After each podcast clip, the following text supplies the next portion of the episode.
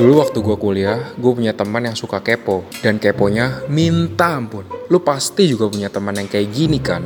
Sadar nggak sadar, kehidupan kerohanian kita juga terkadang penuh dengan kekepoan yang sebenarnya nggak perlu. Kita terlalu kepo dengan kerohanian seseorang. Contohnya, Lihat deh coy, teman kita sekarang isi story-nya firman Tuhan terus. Wih, wah lihat deh, enak banget ya dia. Jalan-jalan mulu, makin diberkati Tuhan. Kok bisa ya dia kayak gitu? hmm, kita terlalu kepo dengan banyak hal sampai-sampai kita lupa hubungan kita sendiri di hadapan Tuhan. Jangan salah, Petrus juga pernah kepo. Petrus pengen tahu apa yang akan terjadi dengan murid yang dikasih Yesus. Tetapi Yesus menjawab di Yohanes pasal 21 ayat 22, itu bukan urusanmu, tetapi engkau ikutlah aku. Karena itu, Jangan terlalu banyak ngurusin hal yang gak perlu deh. Tuhan bilang, tetapi engkau, ya elu, yang lagi dengerin episode ini, ikutlah aku. Fokus aja ikut Tuhan. Gak usah urusin orang lain. Urusin dulu pembacaan Alkitab lo yang gak kelar-kelar. Urusin dulu waktu doa lo yang masih bolong-bolong.